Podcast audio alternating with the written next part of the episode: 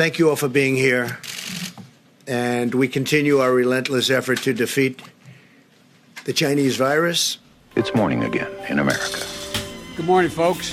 Please, please. Come on, let's go. Let's go get some coffee. Thank you very much.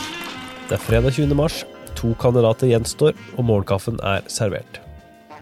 I går kom meldingen om at Tulsi Gabbard trekker seg fra nominasjonskampen. Gabbard bekreftet sitt sorti gjennom en video på Twitter. Der bekreftet hun samtidig at hun gir sin støtte til Joe Biden i det som nå offisielt har blitt et felt bestående av to presidentkandidater. Det er verdt å merke seg at Gabbard støttet og drev valgkamp for Bernie Sanders i 2016. Now, after Tuesday's election, it's clear that Democratic primary voters have chosen Vice President Joe Biden to be the person who will take on President Trump in the general election. I know Vice President Biden and his wife, and I'm grateful to have called his son Bo a friend who also served in the National Guard. Although I may not agree with the Vice President on every issue, I know that he has a good heart and he's motivated by his love for our country and the American people.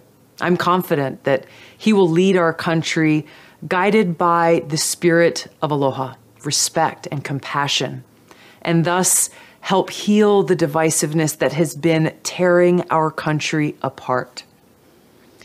So today, I'm suspending my presidential campaign and offering my full support to Vice President Joe Biden in his quest to bring our country together.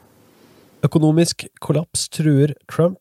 Den økonomiske tilstanden har vist seg å være et sentralt argument både for og mot sittende presidenter når det er valgår i USA. Spekulasjonene om hvor mye koronaviruset kan ødelegge for den amerikanske økonomien, samt Trumps sjanse for gjenvalg, er i gang for fullt. De store Wall Street-bankene frykter at BNP kan falle mellom 5 og 14% i andre kvartal dette året. Andre kvartal er altså den perioden i året hvor velgernes inntrykk av den økonomiske situasjonen tilsynelatende formes inn mot valget, ifølge professor Alan Abramowitz ved Emory University. Trump må også adressere utfordringen som kan komme med arbeidsledighet. Ifølge JP Morgan Chase jobber mer enn 18 millioner amerikanere i industrier som vil bli spesielt skadelidende i kampen mot pandemien.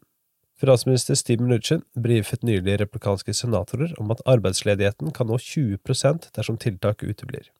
Ifølge Abramowitz avhenger Trumps sjanse til gjenvalg i november av at den økonomiske krisen og resesjonen ikke blir så inngripende på velgernes personlige økonomi at det får republikanerne til å bryte med Trump. Til slutt, Elizabeth Warren om Bernie Sanders.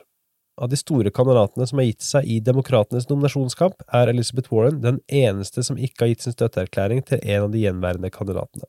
På spørsmål om dette svarte Massachusetts-senatoren at fokuset nå er rettet mot koronapandemien framfor valgkampen, og at Sanders må få tid på seg til å finne ut hva han ønsker å gjøre. Uh, Joe Biden, and, and at this point, you are the only prominent candidate who has dropped out that hasn't Bernie Sanders or Joe Biden. Why haven't you announced an endorsement yet? So actually, I've been focused on this crisis. You know, I think mm-hmm. Bernie needs space to decide what he wants to do next, and he should be given the space to do that. Right now, I'm focused on what we're going to do next in this crisis around the coronavirus. We talked in the last Dagens utgave av Målkaffen er servert av Henrik Skotte og undertegnede Are Flaten. Dersom du også ønsker lørdagsutgaven av Morgenkaffen, som vi gir ut hver lørdag, så går du til patron.com.